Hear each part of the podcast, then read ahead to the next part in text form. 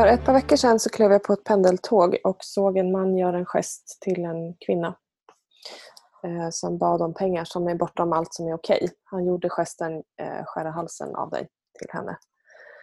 Och jag sätter mig sen på sätet på andra sidan och han fortsätter gå på om, om den här kvinnan och eh, ifrågasätter eh, ja, eh, hur mycket hon tjänar och varför hon gör det här. Och hänvisar till att hon borde ta världens äldsta jobb istället och då brinner jag av. Och det är upptakten till dagens avsnitt. Ja, och civilkurage och att bara vara mänsklig i den här världen. Eh, behöver vi kanske prata om lite grann? Ja, absolut. Ja. Och jag är jätteimponerad av alla som eh, för vi har faktiskt också eh, bett om att få in lite stories från er lyssnare och de som följer oss och fått in en hel del och bara pratat om det här överlag de senaste veckorna. Eh, och jag måste säga att jag är väldigt imponerad av alla som eh, vågar agera. Och jag ska säga att jag gör det då och då också, men jag tillhör de där som ibland kan komma på lite efteråt. Ah, skulle jag sagt så där eller jag skulle gjort så här. Kanske någon som känner igen sig i det.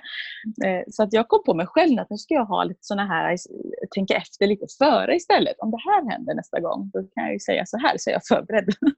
För att det behöver ju inte vara så stor grej, eller man ska säga, som det du precis beskrev. För det är ju verkligen eh, bortom all, allt okay. Ja, det är bortom alla gränser. Och där i de lägena för mig, och så har det nog faktiskt varit sedan jag var liten, då, det, det, jag, jag, bara gör. Liksom. Det bara sker. Eh, sen kan jag vara som dig också och säga att Åh, där borde jag ha sagt något. Och det kan vara allt från att någon släpper skräp och ibland reagerar jag på och ibland gör jag inte. Och det borde jag göra varje gång.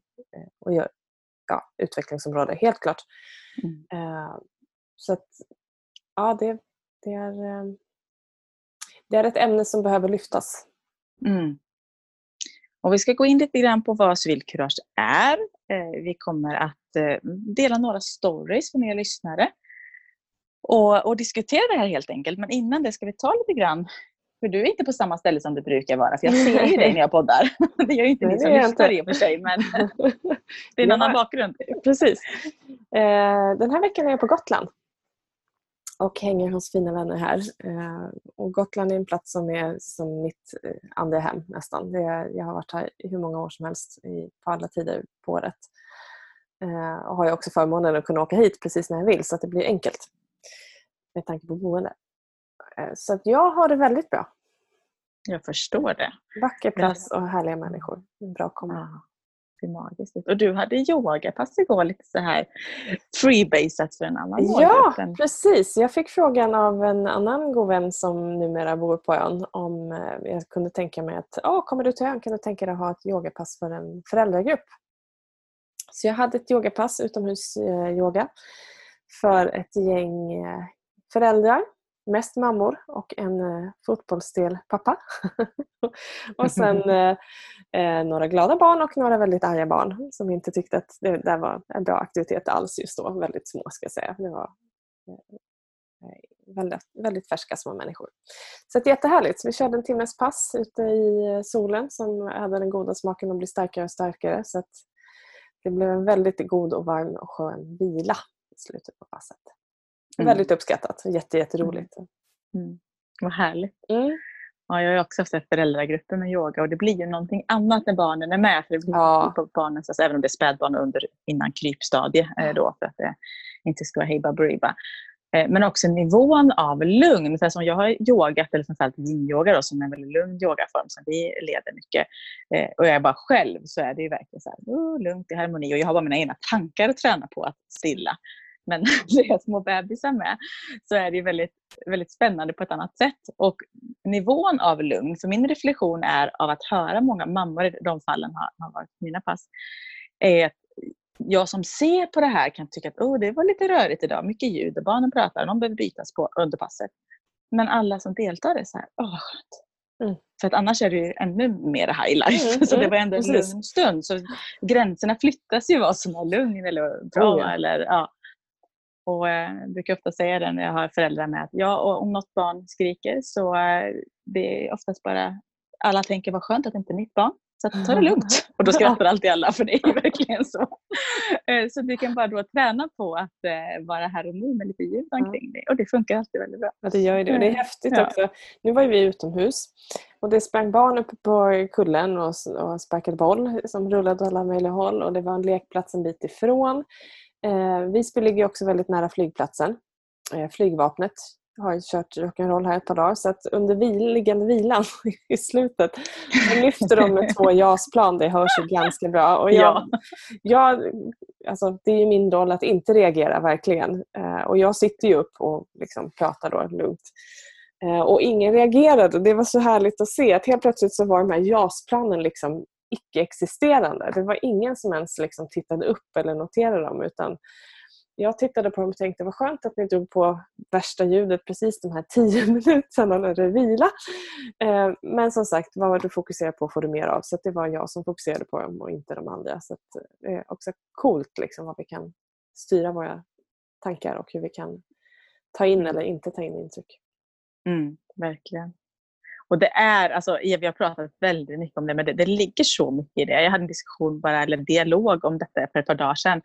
Eh, då några kollegor till mig sa att ah, någon story från många år tillbaka. Och det var, jag fick verkligen fokusera på att lyssna på den som pratade. För att helt plötsligt var det någon aircondition som lät och det var kallt och det var ljud. Och helt plötsligt var det någon i gruppen som sa så här, kan någon fixa det där ja, som störde? Och de bara helt plötsligt jag hade inte ens märkt. Och sen började alla tänka på det eftersom det uppmärksammades. Och så var det liksom kaos. Och det, blir, det är ju väldigt talande för det där. Det spelar ju faktiskt ingen roll vad vi har för omständigheter runt omkring oss om vi väljer vad vi ska lägga fokus mm. på. Mm. Alltså, så jasplan eller inte, eller ja, surrande ljud eller inte, så kan vi någonstans hitta ett inre lugn eller Precis. bara, bara vara. Mm. Hur har du haft det då Sofia? Under veckan som har varit? Men vi har haft det jättehärligt.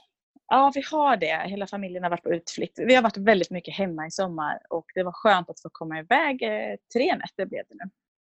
Eh, väldigt, väldigt mysigt faktiskt. Så vi åkte uppåt till dina trakter faktiskt, lite mm. norr om Stockholm och Åkersberga. Eh, och besökte goda vänner där. Supermysigt att bara få, få vara, bli ompysslade med mat och de har ju plockat blåbär så det hette duga. Mm. Så att, oh, så mycket. De hade liksom tio liter kinkar som bara stod och bara väntade på att ätas och hade fryst in eh, mycket, mycket mer än så. Så det var überlyxigt. Och vi bara kunde sitta och hänga med barnen och bara, bara vara utan några fix hemma. hemma så. Eh, så det var jätte, jättemysigt. Eh, och sen fick vi ett litet oväntat stopp på hemvägen. Jag hade gått och tänkt så här ett par dagar att vi kanske skulle ta någon hotellnatt halvvägs hem, kanske Örebro eller någonting. Eh, och det hade jag och John till och med pratat om. Att vi har ju har ingenting att komma hem till som är jätteviktigt. Antingen tisdag eller onsdag. Du vet, sådär. Så att, eh, men så tänkte vi att nej, men vi kör hem. Men vi tar ett stopp och hälsar på vänner i Örebro. Eh, så vi tog en eh, lunch och sågs ute. Eh, och för en lång historia kort så började bilen blinka och ha sig och tycka att ah, men ni ska nog kolla lite grejer. Så här, vet, lampor som jag inte vet vad de betyder men började börjar fler och fler komma.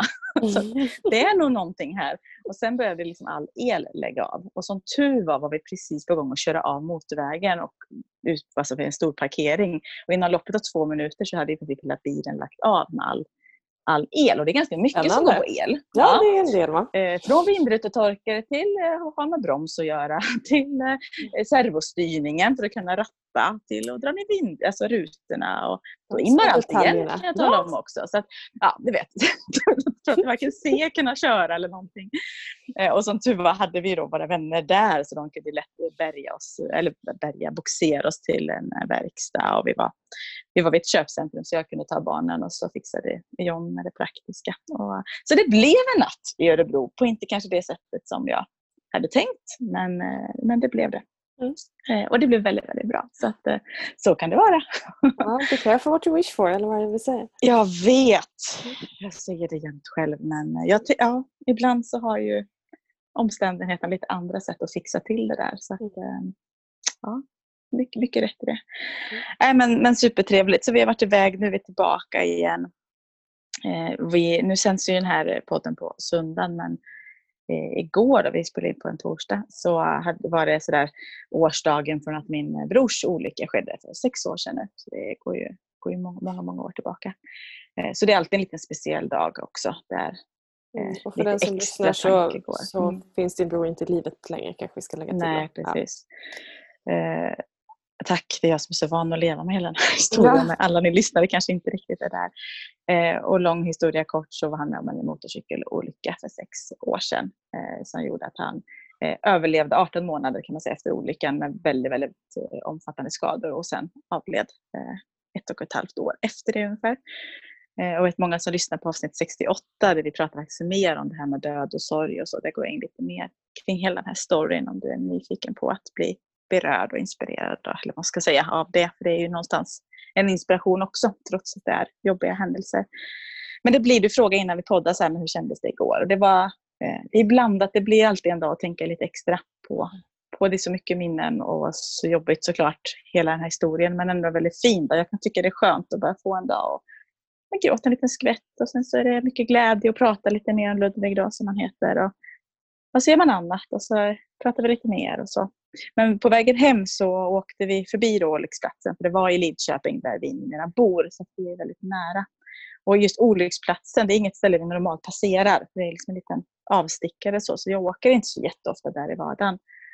Men vi åkte dit, det regnade lite, hade köpt eh, lite blommor och tog med och skulle lägga. Och, och där det var eh, liksom staketet helt ner Alltså det är fortfarande från olyckan han körde igenom ett staket så det ligger fortfarande ner. Så det blev så himla påtagligt att här var det. Mm. Så det är inte lagat liksom. Så det blir verkligen så här, här körde han sig under staketet. Eh, och så var det massa träd från en skogsdunge och sen flög han ju, jag vet inte hur, säkert 10 meter, alltså långt in mm. i skogen. För han inte kunnat träffa alla träd, det är också helt otroligt. Och landa en bra bit in i en dunge. Så att vi vet ju precis vart det var och mm. gick in där. Eh, och precis när vi skulle gå in, det var jag och John, då min man och våra två barn. Angelina är snart fyra år och hon var precis så lite övertrött och började bli lite gnällig. Och jag bara, vet, när man kommer in i den här bubblan, jag orkade inte med att hon skulle mm. börja. Så jag bara gick rakt in i dungen och bara gick till den här platsen och bara kände det började bubbla över. Och det var så skönt att bara få tänka på honom, gråta en skvätt, lägga lite blommor. Och sen när jag kom tillbaka då, då sitter John med båda barnen och har ett stort täcke över sig för det var så kallt så han satt med täcke från bilen. Och jag ser riktigt på Angelina att hon är så här, vad händer? Hon är, hon är berörd på något sätt. Såklart förstår jag också att John har berättat för henne. Mm. Och det har vi sagt innan också med vad det är. Mamma kanske är lite ledsen nu. Och så kommer jag sen med tårar i ögonen men ändå ganska samlad. Och hon, mm. hon tittar på mig och så blir hon nästan lite blyg. Och så, är du ledsen? Ja, jag är ledsen. Är du, är du ledsen för att din bror är död? Säger hon lite så här, och så blir jag, bryter jag ihop igen. Jag bara, ja det är jag. Och så kommer hon och så kramar hon mig och så börjar hon gråta och liksom så hulka. Du vet. Ja, hon har inte träffat Ludvig för hon mm. var ju, eh, nej det var ju efter. Hon var i magen det, precis när han gick bort. Eh, vi pratade om honom ofta. Men det var så, det var så fint. Att hon verkligen så här, vet, stannar kvar i kramen säkert en minut. Och det gör mm. hon aldrig. Hon är väldigt snabb och så är det färdigt och går Ja, det var, och så hade hon massa frågor. Så att sen så stod hon och jag kvar och pratade väldigt fint så här, och kramades. Och, och då sa jag så här att om när, när vi pratar om de som inte finns med oss längre, men då finns de ju här på något sätt. De är alltid med oss. Och, ja, men du vet, vi uppmärksammar dem och de, de lever kvar. Ah, och jag tror ah, han, han flyger här och så börjar hon peka fram och tillbaka. Här är han och, och, och han har varit här. Och, och så säger hon saker som inte jag tänkte. Det var så fint bara. Hon bara, om, om vi luktar mamma, då känner vi hans doft. Mm, han bara, ja. sen, han är uppe i himlen. Ja. Jag tror han har klättrat upp och så hoppar han riktigt högt. Mm. Och det, det är mjukt där på molnen. Man bara, och det här är ord som inte jag har sagt. Mm. ja. Och tillsammans med Tessie, det var en hund då, som inte längre finns med också. Ja, hon är också där. Mm. Och så du vet, ja, men det är så underbart att bara höra hennes ja, tankar. Det, det var så fint. Ja. Ja.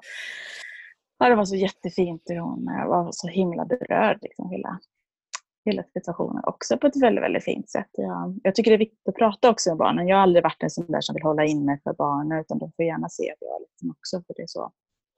det är ju så. Mm. Och att kunna prata om att det är en känsla som vilken annan. Ja, det var väldigt, väldigt fint i alla fall. Mm.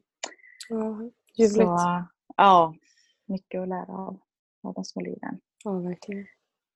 Så så var det med den saken. Eh, väldigt, väldigt fint. Och um, Det fick mig också egentligen, jag skulle kunna uh, läst, för om vi ska gå tillbaka till medmänsklighet men också mycket det här med, för mig hänger det ihop mycket med kärlek och att visa att vi, vi är ju ett här på, på jorden och vi hänger ihop och vi behöver ta hand om varandra.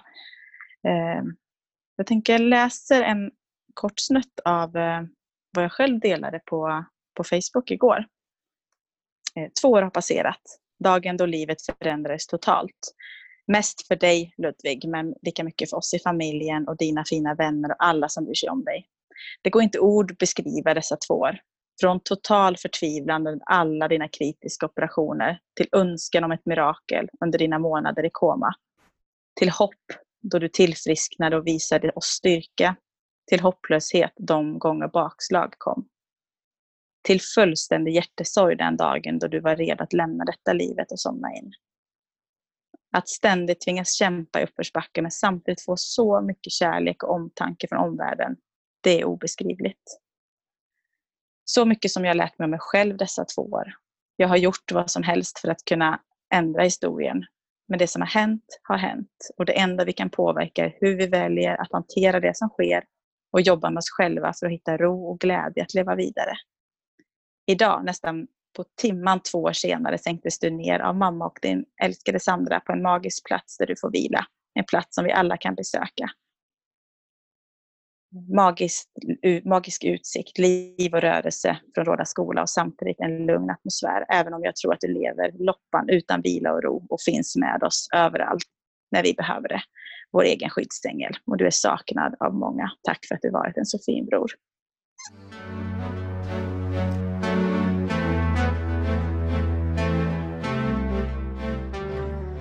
Ja, här sitter jag och blinkar bort tårarna och blir påmind om livet i sin skörhet. Ja, och det, är, det, det är väldigt, väldigt fint. Jag tycker det är väldigt fint att minnas också, ja. även om det. Och i den här texten också så blir jag påmind, för vi fick så otroligt mycket kärlek och omtanke och om man nu ska då dra sig till medmänsklighet under den här tiden, från håll där vi inte liksom bad om det också. Där när människor hör av sig och, och människor jag inte har kanske pratat med på hur länge som helst eller väldigt långväga från mig så utan att vilja fixa något eller utan bara ja, ja hej, jag, hör, ser att du går igenom något jobbigt eller finns här eller vill bara skicka ett hjärta och omtanke. Och, och det är ju medmänsklighet om något. Mm. Och det behöver inte vara sådana här allvarliga historier för att vi ska visa det, men jag tänker att det där blir jag påmind om att göra lite mm. oftare med människor eh, runt omkring mig. Och det kan räcka med så himla lite. Ja, verkligen. Att... Det, jag, jag känner igen det här i situationer där det har varit liksom, ja, men livet testar. Uh, och just det här när någon börjar tala om att ja, men jag finns här. Jag tänker på dig och, och jag finns här. Uh, och du kanske aldrig behöver dra det kortet men det finns där. Och omtanken finns. Och hur mycket det gör att bara uttala det istället för att tänka det. Mm. Och det är ju medmänskligheten något att börja tala om. Verkligen. Eh, du är jag och jag är du och vi stöttar varandra. Mm. Oh, ja. Men om vi ska någonstans också komma in på Alltså för medmänsklighet och civilkurage hänger lite grann ihop för mig även om det kanske är lite olika saker. Men någonstans lever vi ju i en och samma värld. Vi mm. finns här alla människor. Eh, vissa trivs ju bättre ihop med andra helt klart. Mm. Så, är det. Men någonstans så eh, tycker jag det är så viktigt att vi vi hjälper varandra och vi ställer mm. upp och öppnar dörren om någon behöver eller bara eh, hjälps åt. Och jag vet att du brukar, har upplevt mycket just i den här tiden med Corona också, en, en skillnad. Ja, mm. jag tycker att det är en skillnad. Jag, eh, bara ett exempel var uppe och, och vandrade i fjällen förra veckan. Eh, och det var liksom dagsvandringar, inget hardcore på något sätt. Men det som är intressant är att när man kommer på de här smala stigarna och, och spångarna som går över, över äh, våtmarker så stannar folk upp och så tittar man på varann och ler och eh, någon kliver undan. Ibland var det vi och ibland var det någon annan. Och sen hälsar man och, och gå vidare och ibland lite sån small talk. Liksom. Men det är en ömsesidig respekt. Det är inte det här vanliga att jag är störst går först och så bufflar jag på och vi skyndar oss så hinner vi gå före och liksom nästan knuffa någon av stigen. Utan att verkligen en, en omtanke. Eh, att ha tiden att se att det är en annan människa som jag möter. Och det tycker jag har märkts på flera håll under den här coronatiden att det finns tid att stanna upp och och se att det är människor omkring dig och inte bara kuta runt i, mm i liksom, ja, vardagshetsen. Verkligen. Jag tycker det är ändå det är... häftigt. Ja men det är det. Och mer som säger, du möter blicken. För någonstans ska du se, ska jag gå, ska du gå? Mm. Eh, och det är också att vi möter en annan människa. Mm. Eh, och det är eh, jätte, jätteviktigt mm. tycker jag i, mm. att, ja, i vårt samhälle. Ja, precis. Må bra. För det, om man liksom tar det här civilkurage och medmänsklighet, för mig är det ju också att stå upp för vilket samhälle jag vill ha. Och då behöver jag ju på något sätt agera i linje med det. Jag kan inte förvänta mig att andra ska uppföra sig och inte jag gör det. Men också att hjälpa varandra in till en riktning att det här, det här är inte okej. Okay. Sen finns det alltid en anledning till varför man beter sig mindre bra. Liksom. Men, men därmed inte sagt att det är okej okay att göra det. Och då behöver vi hjälpa till genom att sätta gränser. Mm. Sen är det inte alla dagar då? jag gör det heller, såklart, ska Nej. jag bara tillägga. Nej, oh nej, verkligen inte. Det, är, eh, det kan definitivt tränas på. Ibland orkar vi inte eller kan ja, vi inte eller på olika anledningar ja, men visst. Inte, inte hinner så. Det... Och också komma ihåg att i det enkla, liksom, det här som du pratar om, att hålla, hålla upp dörren eller hjälpa någon med en matkasse mm. eller fråga om någon behöver hjälp. Det, det är ju eh, nog så viktigt. Liksom. Prata mm. med grannen som inte verkar ha så mycket socialt liv. Liksom. Ah. Men du hittade en jättefin definition på civil Ja, men vi sökte lite innan här för vi var så nyfikna på att, på att det finns ju faktiskt organisationer som jobbar med det här och lär ut och tränar på. Det, det är nog väldigt klokt. För att, mm. Som vi sa i början, jag skulle nog behöva träna lite mer på situationer så jag är förberedd nästa gång det händer. Eh, men då står det just om civilkurage att för många innebär civilkurage att konfrontera någon eller att utföra ett hjältedåd. Det kan till exempel handla om att säga ifrån när någon blir mobbad eller rädda någon ur ett brinnande hus. Men civilkurage kan vara så mycket mer än en heroisk insats eller att konfrontera. Vi brukar säga att civilkurage innebär att agera för att förändra en situation där det pågår förtryck. Eh, och att man då kanske som tredje part då hjälper till och tränar på att man går in i någon situation mm. som inte är riktigt helt okej okay, eller agerar på det. Mm. Eh, ska, vi, ska vi lyssna på ett par stories från några, några av våra lyssnare och följa ja, det tycker jag. Jenny. Det tycker jag. Absolut. Eh, vi har Yvonne här som hört av sig till oss. Yvonne är eh, eh, en av våra trogna yogakunder också som följer och vet att lyssna på vår podd mycket och är helt okej okay att vara med vid namn ska sägas. Och där hon säger just att hon brukar stå upp väldigt mycket och har tränat väldigt mycket på det här för att hon också har eh, en situation där, eh, där hon står upp väldigt mycket för personer med eh, funktionsvariation och har fått kämpa mycket för deras rättigheter. Så att, eh, eh, det berättar hon om. Men hon berättar om en helt annan story i en trång buss en tid innan corona. Och då skriver hon så här. Två ungdomar satt på en plats där normalt sitter, där det normalt sitter äldre eller funktionshindrade. Det kom in en äldre tant, jag tror hon hade käpp om jag minns rätt. Bussen började och tanten höll på att trilla och jag fångade upp henne. Ungdomarna verkade inte bry sig och satt kvar. Så jag fick skasa iväg dem så att tanten fick sätta sig. Eh, fick en arg blick av ungdomarna, men det brydde jag mig väldigt lite om. Tanten tackade och smålog.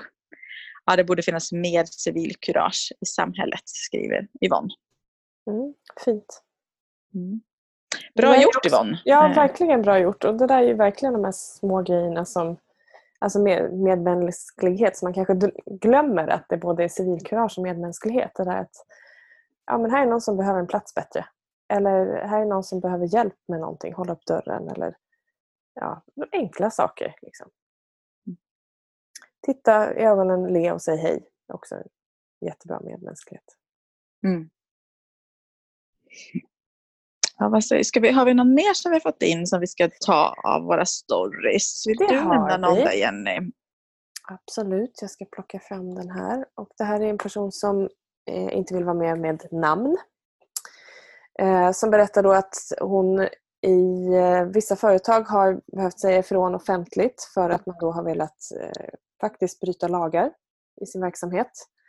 Och att eh, hon i sin yrkesroll var tydlig med att här följer vi lagstiftningen. Och eh, eh, det är också att vara seriös och professionell, tänker jag. Mm, verkligen. Sitt eget varumärke.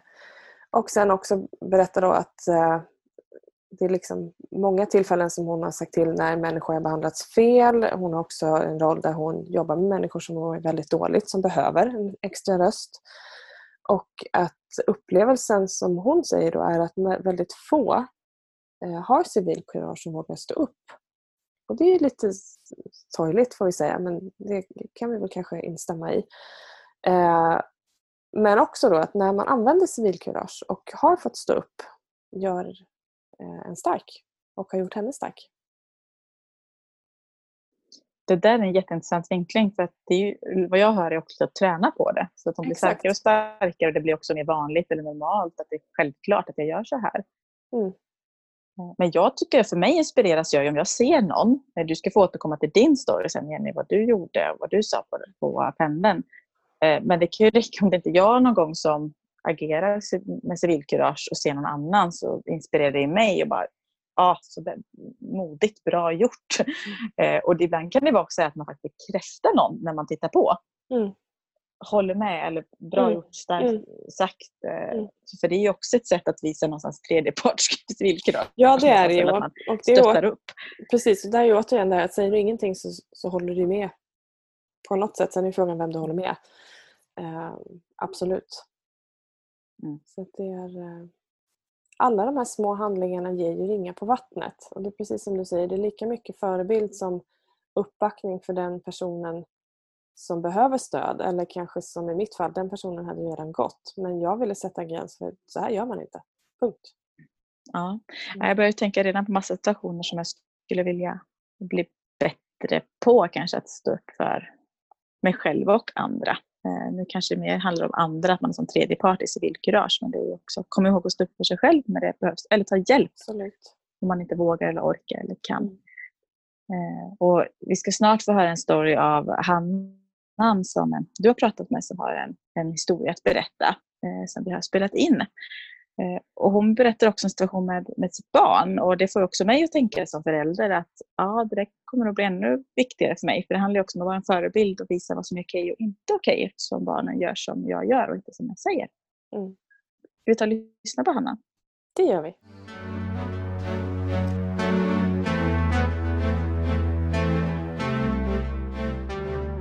Med mig har jag nu Hannan som eh, ska få dela en upplevelse som du hade kring mm. det här med civilkurage och medmänsklighet. Och innan du delar det skulle jag bara vilja fråga dig, varför är det viktigt för dig? Ja, jag tycker att eh, för det första så tycker jag att jag ser alldeles för lite av det. Jag blir nästan lite så rädd för, för att jag märker att folk backar mer än att de väljer att eh, gå fram. Och men jag tror också att det är väldigt viktigt för mig, dels för att jag är en sån person som, som gillar, eller gillar, men jag, för mig är det viktigt att eh, visa att jag är en människa med andra människor, en medmänniska. Och därför så ser jag det lite som en, vad ska man säga, en plikt kanske att så här, ja, men stötta och hjälpa till och inte backa när jag ser någonting som är orättvist. Klokt, jag håller med dig helt i det. Mm. Eh, jag vet ju att du har sagt ifrån offentligt. Vill du mm. dela ett sådant tillfälle? Ja, gud jag har några stycken. Eh, nej men, eh, ska jag välja Nej men det hände ju faktiskt nu nyligen så har vi en, eh, en, en man då på våran gård som, alltså jag har väl inte märkt av honom så jättemycket men jag vet att han har sagt till barnen här på gården eh, vid några tillfällen. Så förra året så var mitt barn med om att han, den här mannen hade talat, pratat med, med mitt barn och sagt till honom på skarpen. Eh, och det här fick jag veta i efterhand. Och då hade jag lite, faktiskt gått fram. Just det, lite obefogat också va? Ja men väldigt så. Ja, mm. ja. Men han, han stör sig på ljud då. Liksom. Eh, men då hade jag gått fram till honom och bara sådär, ja men allmänt, hej hej. Eh, du jag tänkte bara höra, jag hörde av mitt barn att det här hände och då blev ju han väldigt defensiv. Men mm. jag, jag valde ju att vara liksom mild och sådär bara nyfiket. Så vill du berätta vad var det som hände och så. Men sen har han märkt att jag inte alls var där för att liksom bråka med honom så gav han sin version och så sa jag så okej, okay, ja, det är jättebra att du säger till för jag, jag, tycker att det är bra att säga till barn när det är... Men då sa jag att just i det fallet så, så kunde han att, ja, men att vid nästa tillfälle att det är jättebra att tänka på sin röst och det är barn och att man kan vara lite mer pedagogisk och göra göra. Men jag tyckte, ja, han höll väl med så. Men sen nu då så vet jag inte vad, han fick någon flipp. Så han ställde sig på balkongen. Det här var ju halv nio på kvällen. Barnen var på väg hem, de hade varit i parken. Jag sitter hemma och fönstret öppet och hör hur han liksom gormar. Och jag tänker, eller jag vet inte om att det är han, men en röst då. Och, så eh, och sen när jag tittar ut så ser jag de här barnen som mitt barn hade varit med hans kompisar gå liksom hemåt, vänder sig om och tittar lite förskräckt. Och då frågar jag dem om de hade sett mitt barn då. Eh, ja, han står där borta och den här mannen står och skriker på honom. Och då tänkte jag, nej, är det är det, är det, det som händer? Så jag blev, för det första blev jag väldigt så förvånad. Ehm, och bestört såklart. Jag ropade på mitt barn och, och jag ser liksom, han, han har ju fått stå där och ta emot allt som den här mannen. Och jag hörde väldigt mycket svordomar och jag hörde en arg röst och så tänkte jag bara så, nej, men jag försökte bara få mitt barn tillbaka, liksom, känna sig trygg och känna att han nej men, att jag fanns där och försökte hämta hem honom då. Men sen när jag såg min sons reaktion, man såg att han såg både rädd och ledsen ut, så, sa, så gick jag ner helt enkelt. Eh, och eh, jag var så arg, jag var så förbannad. Så jag ställde mig utanför hans balkong och så sa han, ”Nu vill jag att du kommer ner. Han vågade inte. jag bara, Nej, jag tänker inte komma ner. Nej, jag tycker fan du ska komma ner. Och jag, alltså jag blev så arg så att eh, jag såg att han verkligen backade från sin balkong. Eh, och jag sa precis vad jag tyckte, att det där är inte okej okay, på något sätt. Man kan inte bete sig sådär mot barn. Och, eh, och jag såg att fönster, fönster öppnades och balkongdörrar öppnades. Och det, det mm. ekar ju väldigt mycket här mellan mm. våra hus. Men, eh, men för, alltså för mig, och jag tror att jag hade reagerat eh, om jag hade gått förbi alltså, och sett en människa ge sig på ett. Just ett barn kan jag tycka så här, de är så otroligt så här, eh, försvarslösa på det sättet. Mm. De står ju bara och tar emot. Jag, jag ska vara tydliga med att det var inte så att det var en vanlig tillsägelse här utan det var ju bortom alla gränser för vad du, hur, ja, var alltså hur du överhuvudtaget kommunicerar med en annan person. Eh, oavsett ålder ja. egentligen. Ja men precis, men dessutom så var det en annan granne till mig som faktiskt hade stått bredvid mitt barn och eh, stöttat honom och bara stått kvar. Som också återberättade. Ehm, och han hade ju börjat hota med att han skulle ringa, nej men alltså så här, betett sig helt bara. Oh, nej, det där för mig är det totalt oacceptabelt. Så jag, jag ehm, ja, I det fallet så handlar det liksom om mitt barn och då blir jag ju kanske lite extra då. Men, men eh, som sagt, jag klarar liksom inte av när det är Nej, men när någon ger sig på någon annan liksom på det sättet. Jag, jag kan inte bara stå och titta på. Nej. Har det alltid varit självklart för dig att göra det? Absolut. Mm. Helt klart. Mm. Jag har aldrig någonsin tvegat ur. Såvida det inte är någonting som är verkligen eh, vad ska man säga, ja, men så farligt för mig. Mm. Eller, jag försöker alltid kalkylera på ett ungefärligt sätt. Så här, kan jag ge mig in i det här eller ska jag backa? Jag skulle till mm. exempel aldrig ge mig in i ett bråk mellan två män, storvuxna, liksom, som står och bråkar och kanske slår på varandra. Mm. Nej. Men, eh, men definitivt när jag ser, nej, men när jag ser det här eh, övertaget, där kan jag, där, jag kan inte vara tyst. Mm. Mm. Jag känner igen mig där också. Mm. Eh, och Eh, jättehärligt att höra att du både reagerar och agerar. Mm. Tack snälla för att du delar. Ja men tack själv. Tack.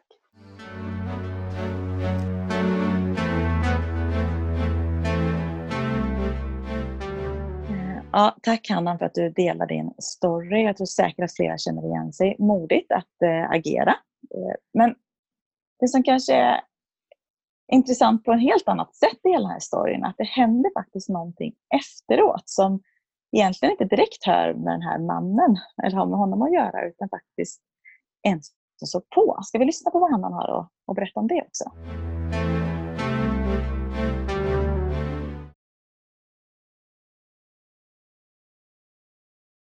Alltså det, Det jag gjorde var att jag eh, anmälde honom till våran eh, eh, värd dagen efter och fick ett sånt otroligt bra bemötande. Väldigt, så här, alltså väldigt bra. Jag varit, eh, han till och med sa det att prata med, med, med ditt barn och kom in så ska vi berätta hur det, hur det går till. Och, och berätta att, liksom, att det, det, är vi som bestämmer och att den här mannen han har betett sig jätteilla. Men det jag tänkte på det var den här kvinnan som stod nära mitt barn. När jag väl går upp och frågar henne, och det är inget illa eh, inget illa menat så, men jag, jag, blev ändå väldigt förvånad för då frågade jag henne så här, eftersom den här värden frågade mig, skulle du kunna tänka dig be henne om hennes nummer så att jag bara kan ringa och fråga henne? Och när jag går upp och ringer på och frågar det så blir hon väldigt osäker. Hon blir väldigt så här, oj, men jag vill inte bli inblandad. Nej, det är inte det det handlar om, säger jag. Så att jag försäkrar henne om att hon inte ska stå med som något vittne eller så. Utan han vill bara, den här världen vill bara veta hennes version. Men hon, hon tvekar i fem minuter. Mm. Och i min värld så är det jättekonstigt. Men, men, så jag reagerar väldigt starkt på det. Jag har full respekt för att alla människor är olika men just det där att, att det tog emot och till slut så sa hon så här, jo men det är ju ändå viktigt. Så, mm. så att det gick bra. Mm. Eh, och det var två andra mammor som också stod och lyssnade som också frågade för deras barn var ju också involverade i den här i det här liksom barngänget. Eh, och de var också lite så här, ja jag vet inte men så att man är ju olika helt mm. klart. Ja, det eh, kan vi konstatera. Eh, ja men verkligen. Mm. Så. Mm. mm. Ja, spännande reflektion. Eh, mm. tack snälla för att du delar. Tack. Ja, vad säger du Jenny? Ja, är... säger, det här är ju spännande för jag tror att det här är en av anledningarna till att många väljer att inte använda civilkurage eller medmänsklighet. För man på något sätt i någon aspekt tror att det kan få en konsekvens för en som inte är trevlig. Eh, för, för den här personen vill ju faktiskt inte, det är inte, det är inte självklart att eh, dela det som hände. Eh, och då är det ändå ett barn inblandat tänker jag. Så för mig blir det ännu, ännu mer eh, märkligt. Men återigen, att det, det finns ju någon tro om orsak och verkan som gör att personen ändå eh, väljer att göra som, som eh, den gör. Men också ändrar sig sen då och eh, tänker liksom, behöver lite betänketider. Och där krävs det ju också mod från Hanna eller att stå på sig eller vänta in det där mm. svaret och inte nöja sig riktigt med ett nej utan faktiskt vågar eh, ligga på där. Men jag kan ibland tänka att jag tror säkert det är jättevanligt på många arbetsplatser. För vet oh, ja. att ja, men säger från den här situationen, ja men då, då blir jag inte inbjuden eller jag blir utesluten. Och det här har vi pratat om innan, det här med att få vara med och tillhöra. Mm. Det är en av våra starkaste så här, gruppbeteenden. Eller att vi, vi ja, ja, och jag, jag har varit med om det på arbetsplatser där jag har sagt ifrån för andras räkning. Där, eh, där jag har blivit behandlad på ett sätt som inte är speciellt trevligt sen. Eh, inte blivit påhoppad för det, det har liksom det har inte den personen vågat men personen i sig har betett sig väldigt annorlunda mot mig eh, än mot andra och sen också gått på andra. Så fort den personen som var hackkyckling försvann så blev det någon annan. Inte heller jag. Eh, men, eh, så visst, det kan absolut få konsekvenser och jag kan eh, förstå, jag har full förståelse för att man tänker efter före ibland. För det är också det där med medmänsklighet att eh, andra människors tystnad kan ju få en att hamna i en situation som att det blir du som är den som får strålkastarljuset på dig och hamnar i en inte så trevlig situation. Mm, verkligen. Det jag kan bara tänka, nu ska vi inte hålla på på en grej, är ju inte sällan att spekulera om saker utan mm. att fråga. Men den här kvinnan då som Hanna berättar om, det kan lika mycket vara så att hon har med sig mycket sånt i bagaget och det blir en naturlig instinkt mm. att hjärnan talar om att passa nu, nu ska vi se vad, vad kan konsekvensen bli. Och sen Exakt. tänker efter, men vänta nu, det här är en annan situation. Så, där. så det kan vi också ha med oss i bagaget. Har du stått upp någon gång? Har det hänt något? Alltså det är en ny situation. Eh, men ibland måste vi också låta magkänslan vila. Det kan finnas situationer som inte är eh, alltså som kan vara rent av farliga. Alltså när det är våld inblandat. Och det har ju både du och jag varit med om situationer där vi ibland backar. Ah, det känns inte helt okej att gå in här. Mm. Det är inte mm. min sak och vi kanske får ringa polisen istället eller mm, mm. göra på något annat sätt. Så ehm, Mm. Därmed inte sagt att det alltid ska vara så att vi står upp i, i vått och torrt och sådär så att vi kan göra det på olika sätt. Absolut, det finns många olika sätt.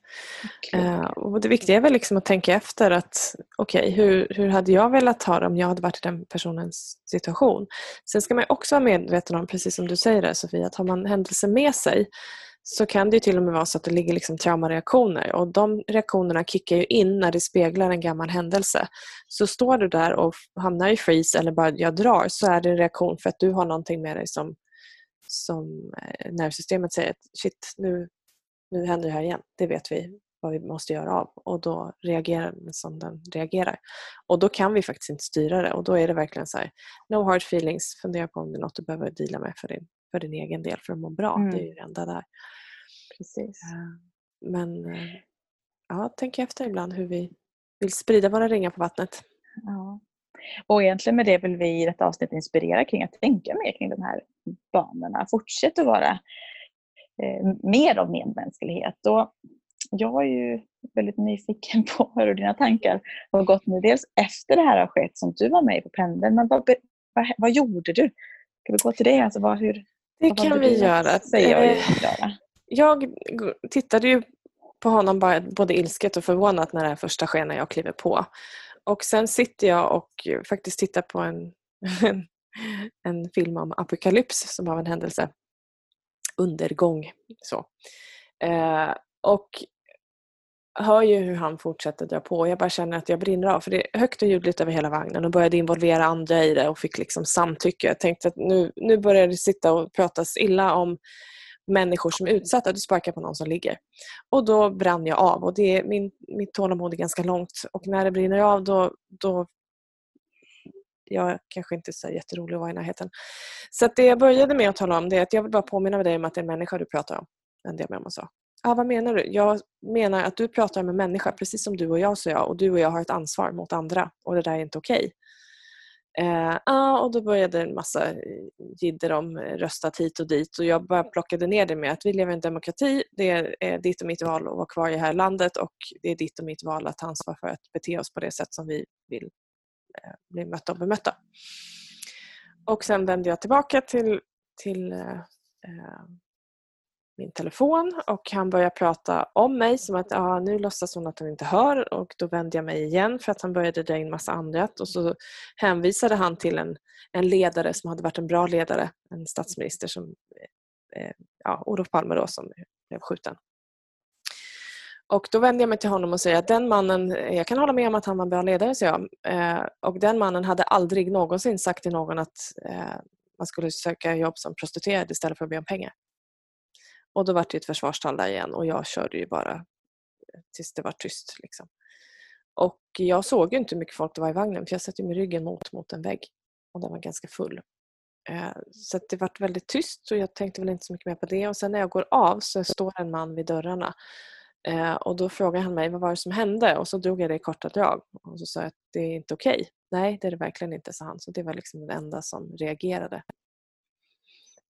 Och då satt det i alla fall en ja, tre vuxna människor nära och sen var vagnen liksom full och det stod folk också. Mm. Men om man drar det här, var det viktigt för dig att om du tänker i efterhand, liksom, att han faktiskt bara också frågade och bemötte dig då, om man pratar om det här som tredje part eller någon annan utifrån, eller hade det inte spelat någon roll i efterhand? Var... Eh, det hade, agerade gjorde jag i alla fall oavsett, för jag hade ingen aning om vilka som var... Jag, jag fick ett tunnelseende, jag såg ju bara honom rent krasst eh, som, som jag faktiskt läxade upp. Eh, för mig så var det jättebetydelsefullt att någon såg och reagerade och frågade och faktiskt instämde med att nej, det där är inte okej. För det visar ju också att det, det finns fler som faktiskt eh, reagerar på att någonting hände. Inte bara att jag rycker på axlarna och struntar i det, liksom att eh, skygglappa på stirrande, fortsätter titta i min telefon. Så att för mig var det jättebetydelsefullt att någon faktiskt eh, uppmärksammade mig det var det. Det mm. hade inte ändrat mitt agerande men det hade fortfarande en stor mm. betydelse. Mm. Verkligen. Så tack mm. om du mm. skulle höra det. Mannen med Och då också liksom, tack till alla som gör det och till alla ja. som står upp. För det är ju faktiskt det det handlar om. Vi kan stå upp på olika sätt. Ibland har vi modet och orken och kraften att stå upp så som du gjorde i den här situationen. Ibland även det som är vid sidan om och bara kan ja, stötta dig då som stod upp. Och det är ju uppenbarligen väldigt viktigt. Mm. Och för mig, det, återigen, liksom, för mig går det tillbaka vilket samhälle jag vill leva i. Det är inte okej okay att man sätter sig på kommunala medel och, och varken gör de gesterna eller säger sådana saker. Och där har ju gränserna förflyttats enormt på ganska få år. Eh, och det är verkligen inte okej. Okay. Det, det, är liksom, visst, vi har yttrandefrihet men du får inte uttrycka dig på ett sätt som är förtryckande mot andra människor. Det är fortfarande mot lag. Liksom. Mm. Eh, och att det plötsligt är så självklart att sitta och slänga ur sig de här sakerna helt gränslöst. Eh, det, det får liksom Men det jag, jag kan tänka då är att i situationer också där jag blir lite mer så här eh, handlingsförlamad i ord. Det kan vara med människor omkring mig som upplevs pålästa om du förstår vad jag menar. Ni vet mm. de här som kan bara prata och köta och, och verka all fakta som oftast inte har någon fakta men som mm. har ordets gåva och bara mm. drar på en sån här situation. Och jag vet inte ens vad jag ska säga till försvar. eller så. Men det är som ett tips som vi brukar säga allmänt om du tycker, det kan vara ett vanligt samtalsämne över middagsbordet mm. eller hos några gäster. Någon slänger ut sig någonting som bara, det där är inte okej okay, att prata om människor på det sättet. Eh, det är ju igen det här med öppna frågor. För att börjar man bena ner, vad, vänta du, vad, vad menar du med det? Och så får den fortsätta prata. Mm. Men vad, vad är det du egentligen säger? Så du behöver aldrig mm. svara och bara gå in i argumentation. För det kan man sällan vinna i den situationen. För det kommer vara en, argument, en pingpong. Utan snarare bara bryt ner med öppna frågor hela tiden för att få den där att eh, egentligen sätta ord på vad hen säger och, mm. och menar. Mm. Det, det kan vara nog så. Eh, ja, det är verkligen en jättebra påminnelse att du behöver inte ha svaren men just eh, ställ tillbaka eh, frågor, lägg tillbaka frågor för då behöver personen svara på det själv. för sig själv. Mm. Och det är oftast mer effektivt än att gå in i, egentligen som jag gjorde när jag bara talade om att sitta ner och vara tyst. Det var egentligen mm. det jag gjorde i andra mm. ord för det här är inte okej. Ja, för det du var med om var väldigt tydlig liksom, övertramp. Det var, det var mm. sådär, det, det, dra miste på. Men jag tänker på alla de här situationerna som är lite mellan raderna eller det är någonting mm. som är förtryckande i orden som kommer fast det ändå inte är så tydligt. Eller vad menar du egentligen? Och då kan de vara väldigt bra också. Men, men vänta nu, eh, vad är det du säger egentligen? Mm. Precis. Eh, det där, ja. Så, eh, ja, det finns mycket att prata om kring hela det här Ja, det gör det. området. Det är ju också en del i det här. Det, det här är ju faktiskt en podd om personlig utveckling. Och det är ju en del i att utvecklas, att träna på saker som kanske är lite obekväma ibland eller som jag vet att det här skulle jag vilja att andra gjorde för mig. Eh, och då som som eh, vår anonyma delare sa idag, det här att träna på saker gör ju att man blir starkare i sig själv och tryggare i sig själv för jag vet att jag fixar det. Eh, och det är väldigt värdefullt på många sätt. Inte minst för dem runt omkring. Ja, vi vill tacka alla som har på något sätt hört av sig och, och bemött eh, det här ämnet, alla som agerar där ute. Eh, och fortsätt eh, med det. Gör mer av det, träna. Då får vi ett betydligt finare och bättre samhälle, helt säker på. Mm. Och har du önskemål om vad du skulle vilja lyssna på framöver i podden så hör jättegärna av dig också. Det är som du sa Jenny, det här är en podd om personlig utveckling. Vi berör ju olika ämnen varje, varje avsnitt. Och eh, det är jättekul när vi får tips och idéer eller någonting som du vill lyfta eller bara en reflektion från något av avsnitten. Så att, eh, tack för allt som, som kommer in och fortsätt att höra av er. Då ska vi fortsätta ut och njuta av eh, sista delen av semestern för oss i alla fall. Ska vi väl säga. Ja, det precis. Det mot eh, jobbkliarfingrarna Det gör igen, ju det, precis så. Jobbkliarfingrarna. Det är jättehärligt med ledighet och nu börjar hjärnan vara kreativ i allt som, som ska ske i höst och det är en underbar känsla. Det är verkligen ett privilegium att ha det så. Mm. Ja, det är roligt. Ja, vi kan väl fortsätta du och jag planerar lite grann så låter vi lyssnarna få, eh, få uppdatering om det senare. Precis, mycket bra plan. Ja. Tack för idag hörni.